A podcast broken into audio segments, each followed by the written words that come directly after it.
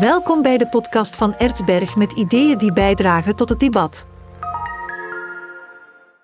Mijn gast vandaag is gedragsbioloog Mark Nelissen, die het boek Voetstuk heeft geschreven, uitgegeven bij Ertsberg uiteraard. En dit boek laat toch wat een andere kijk blijken op wie wij zijn als mensen. Welkom Mark. Welkom David. Jij bent gedragsbioloog. Nu zit ik mij al de hele tijd in de voorbereiding van ons gesprek af te vragen. Ja, eh, gedrag, bioloog, dat kan ik combineren. Maar heel specifiek toch misschien best even in jouw eigen woorden. Waar houdt een gedragsbioloog zich mee bezig? Ja, mensen zullen een gedragsbioloog automatisch associëren met het dierenrijk, hè, waar dat de, de bioloog het gedrag gaat bestuderen van chimpansees of van uh, vliegjes of van slangen of giraffen. Dat is natuurlijk zo, omdat uh, het gedrag van dieren zeer interessant is en je daar heel veel kunt uit leren, ook naar de mens toe. Maar je kan heel veel leren over de evolutie van die soorten. Het geeft een enorme uitbreiding van onze kennis van de levende wereld. En mensen denken dan, ja, maar de mens, de mens, de mens, dat is toch uh, niet zomaar een dier dat je gaat bestuderen, zoals een chimpansee of een giraf. Wel, eigenlijk is dat wel zo, want wij zijn natuurlijk als mensen ook gevormd door evolutie.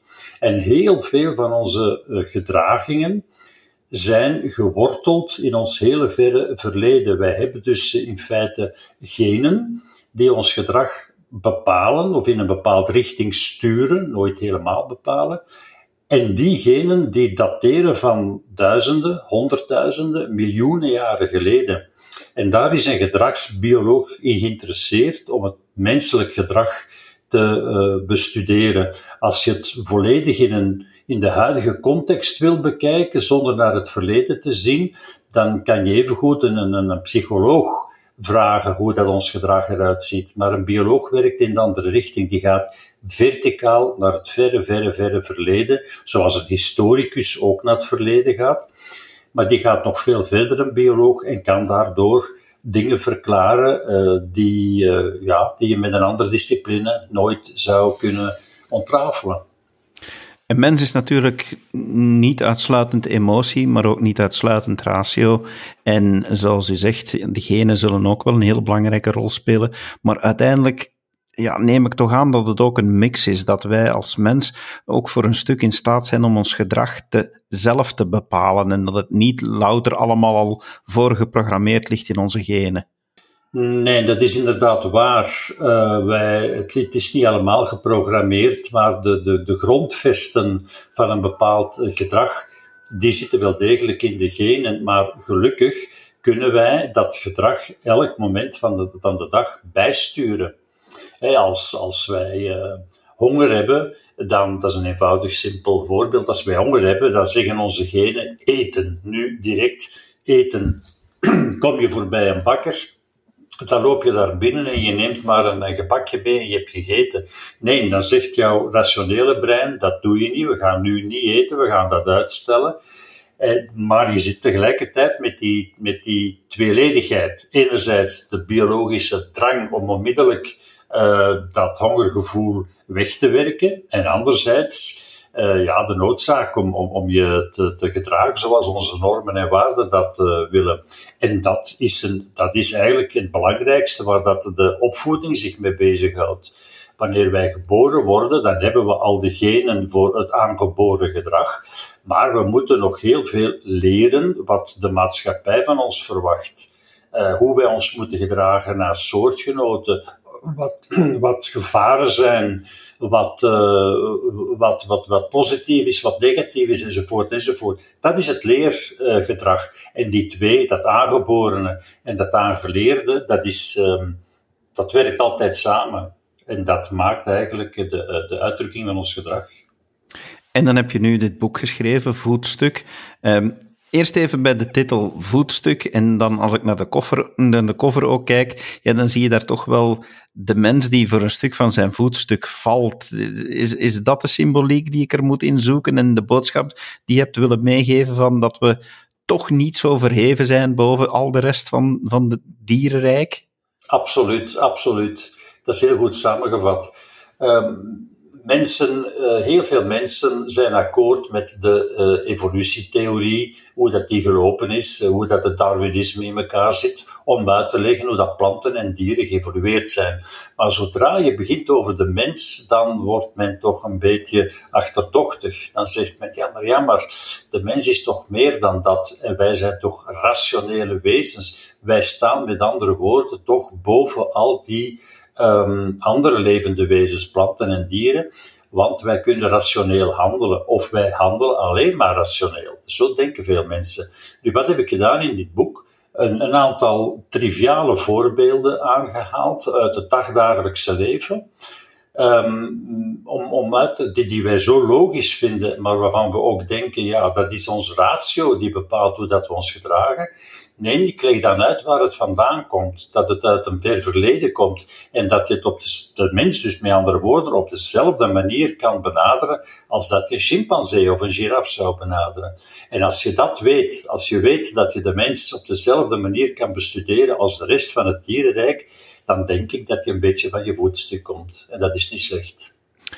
Is dat niet een beetje net wat oversimplificatie? Want daarnet hadden we het over toch het stuk ratio dat we als mens hebben. Is dat toch niet iets wat ons net doet verschillen van die chimpansee? Ja, dat wel. Maar die ratio is heel erg beperkt. Wij denken dat we die ratio heel veel gebruiken.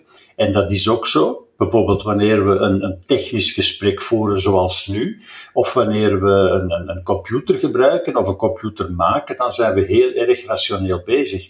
Maar in het dagdagelijkse leven, in de omgang met andere mensen, wanneer we over straat lopen, wat weet ik al meer, dan staat die ratio op een heel laag pitje. Die komt maar naar boven als het echt nodig is. En voor de rest zijn we eigenlijk bezig met, uh, ja, met, met meer onze genen te, te volgen dan, dan ons ratio. En dat moeten we leren door bijvoorbeeld deze voorbeelden uh, te lezen in mijn boek wanneer we het hebben over die voorbeelden, het is echt gewoon een leuk boek om te lezen. Het, het zit zo vol van die voorbeelden. Uh, ze, ze, doen vaak nadenken. Dan zeg je van, zou dit nu echt? Eh, ik heb, ik heb vaak de neiging gehad om, om toch zo eens voor mezelf af te vragen van, kan dit nu echt? Ja, dit lijkt wel een plausibele ver, verklaring te zijn. Uh, je hebt er wel werk van gemaakt om het, om het heel toegankelijk te maken. Het is geen wetenschappelijk werk geworden. Dat is bij al mijn boeken, uh, bijna, toch bij bijna al mijn boeken de bedoeling van geen academisch boek te maken, maar wel een boek dat voor iedereen toegankelijk is. En uh, zelf, zeker de, de laatste drie, vier boeken, die zijn echt bedoeld voor iedereen zonder uh, biologische of wetenschappelijke voorkennis. Ik, ik, het was mijn bedoeling om het zodanig te schrijven dat iedereen het kan lezen, het kan volgen en als het kan, er iets kan van overhouden om te beseffen dat het niet slecht is om van ons uh, voetstuk te komen. En uh, daar, daar steek ik heel veel energie in om het dus verstaanbaar te maken voor iedereen. Het is eigenlijk veel gemakkelijker om een boek te schrijven voor je collega's. Hè. Dat is veel eenvoudiger. Je zegt één term en iedereen weet waarover het gaat. Maar daar heb ik niks mee dat er 40 of 50 collega's dat, dat lezen en misschien al wel weten waarover het gaat. Ik wil zoveel mogelijk mensen bereiken en daarom steek ik daar veel energie in om het uh, begrijpbaar te maken. Ik zei het daarnet al, als ik het las, dan had ik zo regelmatig van, zou het? Van, eh, het zet aan tot nadenken. Maar dat wil eigenlijk zeggen dat ik automatisch ook hier en daar beetje twijfel. Is dat omdat ik dan volgens u toch moeite heb om van dat voetstuk te komen? Omdat ik toch zoiets heb van, ja, maar ik wil toch blijven bepaalde dingen toekennen aan echt wel aan het rationele en of, of zeggen van, ja, dit is een mogelijke verklaring, maar misschien is er toch nog iets anders mogelijk. Blijf ik dan te veel hangen op mijn voetstuk volgens u? Ach, misschien. Dat, dat, is ook niet erg. We mogen dat wel doen. Hè. We moeten alleen maar een klein beetje van ons voetstuk komen. Maar ik denk vooral, je mag wanneer je uh, als gedragsbioloog schrijft of spreekt, maar ook wanneer je gedragsbiologische dingen leest, mag je eigenlijk niet aan jezelf denken. Het gaat niet over één individu. Het gaat over onze soort in het algemeen. Ik heb ooit eens na een college uh, waar dat ik het had over de partnerkeuze, uh, een student gehad die mij kwam vertellen: Oh, professor, nu ben ik blij dat ik eindelijk weet hoe dat ik met mijn lief moet omgaan. Ik zeg, nee kerel, dat is het niet. Het gaat niet over jou, het gaat niet over jouw lief, het gaat over de menselijke soort. En dat is wat wij altijd, waar dat wij altijd moeite mee hebben. Wij vertalen het altijd naar onszelf. En als we dus een bepaalde, uh, een bepaalde gedraging um, gaan uh, voor ogen nemen, bijvoorbeeld, ik heb ergens uitgelegd dat uh, jonge vrouwen rond de tijd van de, de ovulatie minder uh, telefoneren naar hun vader. Dat is wetenschappelijk onderzocht. Ik leg dat uit hoe dat, dat evolutionair te verklaren is. Er zullen heel veel vrouwen zeggen: nee, bij mij klopt dat niet. Dat, dat, dat is helemaal niet waar wat dat die kerel zegt. Dat kan goed zijn dat die vrouw en nog een andere vrouw dat niet doet.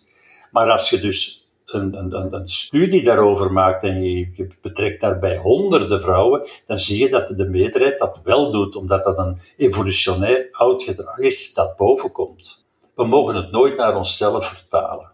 Wat mij verbaasde en toch ook voor een stuk mijn ogen heeft geopend om erover na te denken, dat, dat zijn de stukken die, waarbij je het hebt over onze moraal. Uh, je zou als ik in eerste instantie ga redeneren, dan zou je denken, ja, moraal, dat is nu toch echt iets wat dat helemaal aan ratio verbonden is.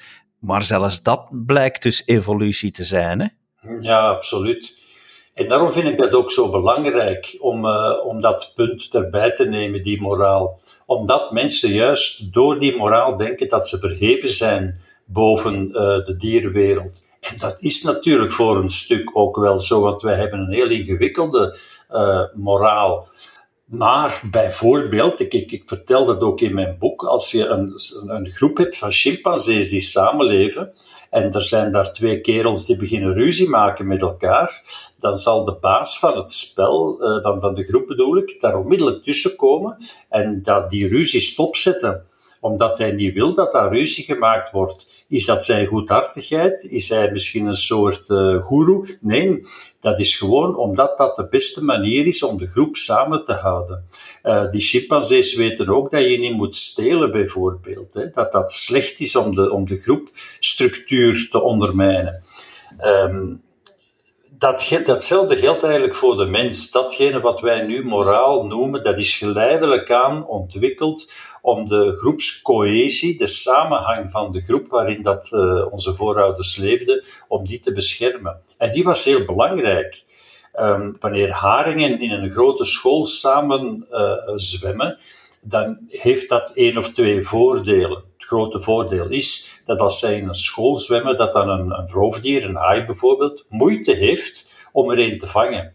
Dat is niet zo eenvoudig, want hij kan geen keuze maken. Maar voor de rest heeft dat niet veel belang. Maar als je kijkt naar de hogere diersoorten, en zeker naar de mens, dan um, blijkt dat er dat groepsleven ongelooflijk belangrijk is geweest vandaag in zekere zin nog, maar heel belangrijk is geweest om voedsel te vinden, om bescherming te krijgen, om gemakkelijk een partner te vinden, om die partner te kennen en, wie zijn de verwanten van die partner enzovoort. Dat, dat was ongelooflijk belangrijk, maar dan moest die groep ook, en ook de samenwerking, dat vergeet ik nog, de samenwerking is heel belangrijk, maar dan moest die groep ook um, de, een sterke cohesie hebben, samenhang. En daar ontstonden stilaan regels. Bijvoorbeeld, je steelt niet wat een ander heeft gemaakt. Wat dan, dat, daar komen ruzies van en vetes en dat ondermijnt de groep. Dus dat wordt stilaan ingebakken in de groepstructuur. En later zeggen we, ja, dat is een stuk moraal, maar het heeft dus zeer oude wortels aangezien het allemaal gaat over evolutie, wil dat eigenlijk ook zeggen dat we nog niet aan het einde zijn. Dit kan nog allemaal veranderen, maar eh, ja, dan bedoel ik niet op tien jaar tijd, want evolutie, eh, dat is niet iets van wat in decennia, zelfs niet in eeuwen te meten is, maar in principe moeten we er dan vanuit gaan dat wij als mens, als soort ook nog gaan veranderen in dat, in dat geheel dat u beschrijft van ons gedrag. Ja, dat, dat klopt, dat, dat, dat zal blijven veranderen, maar wij hebben absoluut geen idee hoe dat, dat zal verlopen. Evolutie is eigenlijk uh, onvoorspelbaar, omdat um, ja, er moeten veranderingen optreden in, in je genen, toevallige veranderingen, die toevallig een goede uitkomst hebben. Dat is nogal technisch, maar dat zijn toevalligheden die eigenlijk leiden naar iets dat beter is dan wat er daarvoor aanwezig was. Daardoor heeft een chimpansee, uh, sorry, een, een giraf een lange nek bijvoorbeeld. Omdat er een aantal genen zijn veranderd die ervoor zorgde dat, dat, die, dat die, eh, eh, die, die wervels veel langer werden en dat ze veel beter konden vechten enzovoort. Maar vandaag gaat dat veel minder een rol spelen, die verandering van die genen, omdat wij dat voor een stuk tegenwerken. Wij werken de, de selectie onder de mensen tegen. En dus weten we nog niet hoe, dat, dat gaat, hoe dat wij gaan veranderen. Uh, er bestaat nog wel zoiets als seksuele selectie. Dat wil zeggen dat niet de natuur bepaalt hoe dat wij zullen veranderen, maar dat de seksuele keuze van, van het andere geslacht um, eruit ziet. En dat kan ons sturen. Het klassieke voorbeeld dat ik uh, daar graag in geef is dat bijvoorbeeld in Nederland um, de laatste 50 jaar vrouwen door toeval meer en meer um, aangetrokken werden door grote mannen meer dan elders. Dat is een toevalsfactor eigenlijk. Wat is het resultaat na tientallen jaren? Dat de Nederlandse mannen de grootste zijn uh, van de wereld. Dat is evolutie. En zulke dingen die kunnen nog vrij snel gaan. Maar om echt een andere wezen te maken, daar hebben wij draden naar. We mogen ook niet vergeten dat we meer en meer um, instrumenten in ons lichaam inbouwen. We, we, hebben valse heupen, we hebben valse uh, lenzen, we, we, dragen een bril, we, dat weet ik al meer. We gaan dus eigenlijk meer en meer hulpstukken gebruiken en dat gaat toenemen. We gaan ook meer en meer uh, de, de, computer en de artificiële intelligentie gebruiken om ons gedrag te sturen. En hoe dat, dat eruit ziet, men weet dat niet en dus ik weet het dan zeker niet. Maar het zal blijven veranderen. Onze evolutie is nog niet gedaan. De verschillen tussen mannen en vrouw, ja, dat, dat komt toch ook wel regelmatig aan bod in uw boek. En ja, sommigen zullen dat misschien niet graag horen, niet graag lezen eh, deze dagen, maar het blijft toch wel bepalend. U, geeft, u geeft ook wel aan in uw boek dat er verklaringen zijn waarom mannen op jongere vrouwen vallen, waarom schoonheid eh, een rol speelt. Um, is, is, is dat niet een beetje vloeken in de kerk deze dagen, om dat nog durven te zeggen?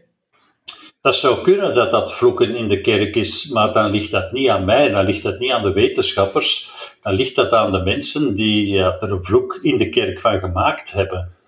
Als je het wetenschappelijk gaat bekijken, en dat doet men al decennia lang, dan zie je zeer essentiële verschillen tussen mannen en vrouwen om de eenvoudige reden dat een van de belangrijkste drijfveren in onze verre voorgeschiedenis um, die ons gedrag uh, gestuurd hebben, bestaan uit zich voortplanten en in leven blijven.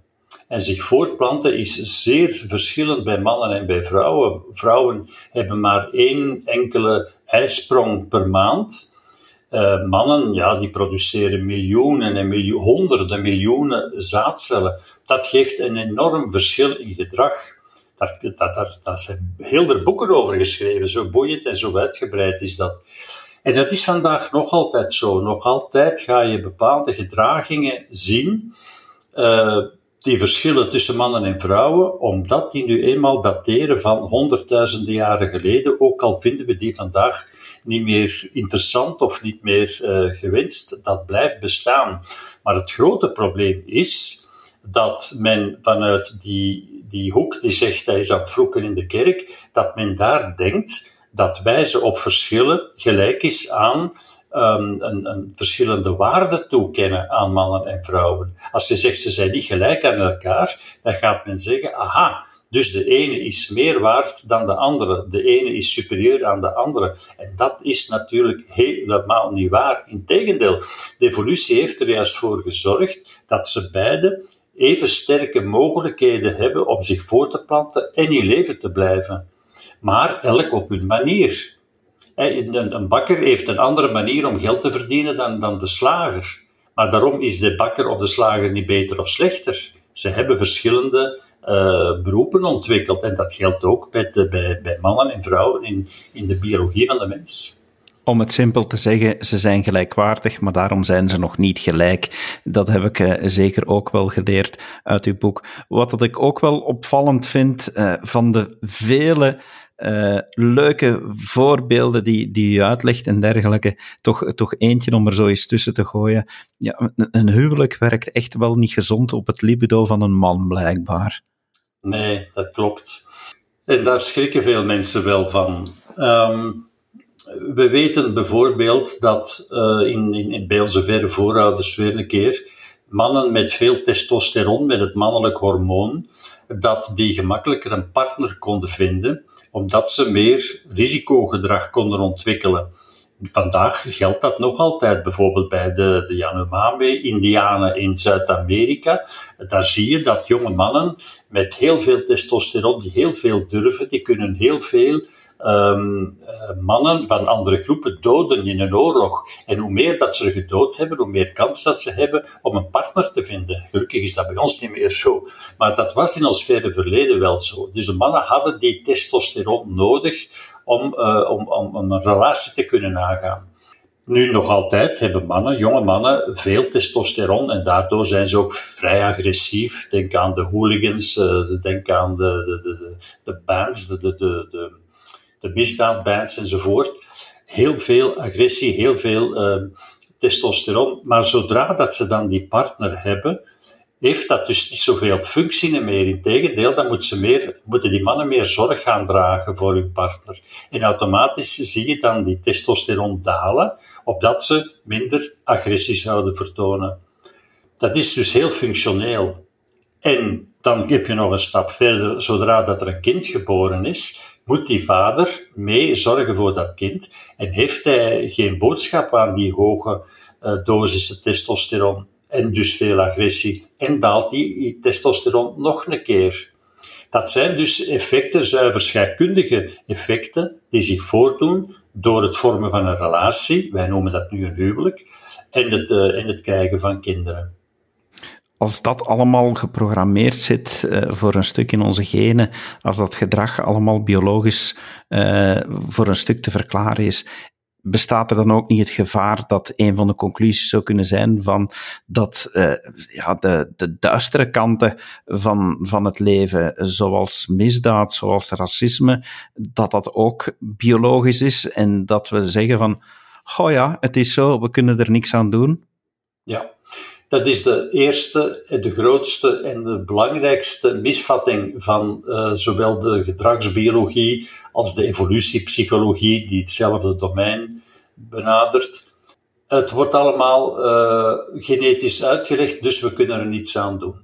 Dat is natuurlijk helemaal niet waar. Wij mogen, en dat is een slagzin die ik in elk van mijn boeken gebruik, wij mogen niet de slaaf zijn van onze genen. Wij mogen niet zeggen, oké, okay, mijn genen willen dat of dat. Als dat iets goed is, oké, dan doe je dat. Er zijn genen die ons aanmanen om iemand die in nood is te helpen. Dat is positief, dan volg je die genen maar. Maar als wij te maken hebben met gedragingen die wij niet meer aanvaarden in onze samenleving, die helemaal niet meer aarden in onze samenleving, dan moeten wij die ratio waar dat we het in het begin over hadden, laten overheersen en zeggen: Ik volg diegene niet. Ik ga geen overspel plegen, of erger, ik ga geen uh, misdaden plegen, ik ga geen racisme ontwikkelen, enzovoort, enzovoort. Dat zijn, wij leven nu niet meer in de omstandigheden van 100.000 jaar geleden, maar ons lichaam en onze hersenen zijn nog zoals 100.000 jaar geleden. Onze hersenen zijn niet veranderd tegenover 100.000 jaar geleden, maar we leven wel in totaal andere omgeving, totaal andere samenlevingsstelsel. En dan moeten wij zoveel mogelijk proberen diegenen, als ze slechte dingen willen dicteren, te onderdrukken. En wij mogen daar geen slaaf van zijn. Dit boek telt 268 pagina's. Dat is, neem ik aan, toch wel een bijzondere samenvatting van een heel leven studeren en van, van heel veel wetenschappelijk werk. Want uh, ik ga ervan uit dat een wetenschapper zoals u dit niet allemaal uh, heeft gebouwd op eigen conclusies, maar dat daar heel veel wetenschappelijk werk in vervat zit. Absoluut, absoluut, absoluut. Men heeft uh, de gedragsbiologie zelf, die is al ja, misschien 100 jaar oud, maar die van de mens, dat is, laten we zeggen, 70 jaar oud, de evolutiepsychologie een 50 jaar oud. Maar in al die, al die jaren en jaren heeft men inderdaad veel, veel, veel onderzoek gedaan en zijn er heel veel boeken geschreven. Ik heb er zelf nu een stuk of tien, denk ik, ik weet niet precies, over de mens geschreven waar dat telkens samenvattingen van die uh, onderzoeken uh, in staan, omdat ja, dat de niet biologisch geschoolde of niet wetenschappelijk geschoolde man of vrouw um, niet zomaar die wetenschappelijke literatuur kan gaan lezen. Daarom heb ik dat vertaald naar de man en de vrouw in de straat. En inderdaad, het boek dat uh, nu voorligt, net zoals al mijn andere boeken over het menselijk gedrag, steunt op heel veel wetenschappelijk onderzoek. En ik heb dat samengevat, zo overzichtelijk mogelijk, zo begrijpelijk mogelijk, in de hoop dat wel degelijk veel mensen dat kunnen lezen en daar plezier kunnen aan hebben om diegenen die nu luisteren naar eh, onze podcast hier en naar ons gesprek warm te maken, zou ik mogen het volgende zeggen: dat wanneer men uw boek gelezen heeft, dat men meer gaat begrijpen over de volgende uitspraak. Waarom vrouwen graag meer babbelen en praten en mannen liever direct seks willen. Gaan ze het antwoord vinden in uw boek? Ze gaan het antwoord vinden. Maar er staat natuurlijk veel meer in dan dat alleen. En dat is niet negatief bedoeld. Als ik zeg dat vrouwen meer babbelen, daar zit heel veel achter. Namelijk dat zij socialer zijn dan mannen. Dat is weer zo'n punt waarvan dat men zegt, ja kijk, hij maakt de vrouwen belachelijk. Nee, in tegendeel. Ik, ik, ik haal dat aan als een heel positief punt bij, eh, bij uh, vrouwen en dat mannen directe seks willen, ja, dat kan ik niet in tien woorden uitleggen. Dat, dat is een hele theorie op zich. Maar dat kunnen ze inderdaad... En, en, moet u, en dan moet u zeker hier niet uitleggen. Er moeten nog redenen genoeg blijven waarom men het boek wil lezen, natuurlijk. Vandaar dat ik zei van, ja, als uitsmijter om de mensen warm te maken. Ja. Maar ik, ik vind het fantastisch dat je even de tijd hebt genomen om uh, wat, uh, wat meer uitleg te geven. Het is een boek waar, dat, dat, zoals ik al zei, is geen wetenschappelijk werk is, waar grappigheid uh, zeker komt bij kijken, waar je regelmatig een, een kamerbrede smile op je gezicht krijgt en, en begint na te denken. Dus ik hoop dat iedereen die het nog moet lezen, dat hij het, uh, dat hij het met evenveel plezier zal lezen als ik heb gedaan. Mark, dank je wel. Ik dank jou, David, eh, voor je lovende woorden en voor het feit dat uh, ik uh, met jou deze babbel heb mogen hebben. Heel graag gedaan. En u, beste luisteraar, geniet nog van het boek en heel graag tot de volgende podcast.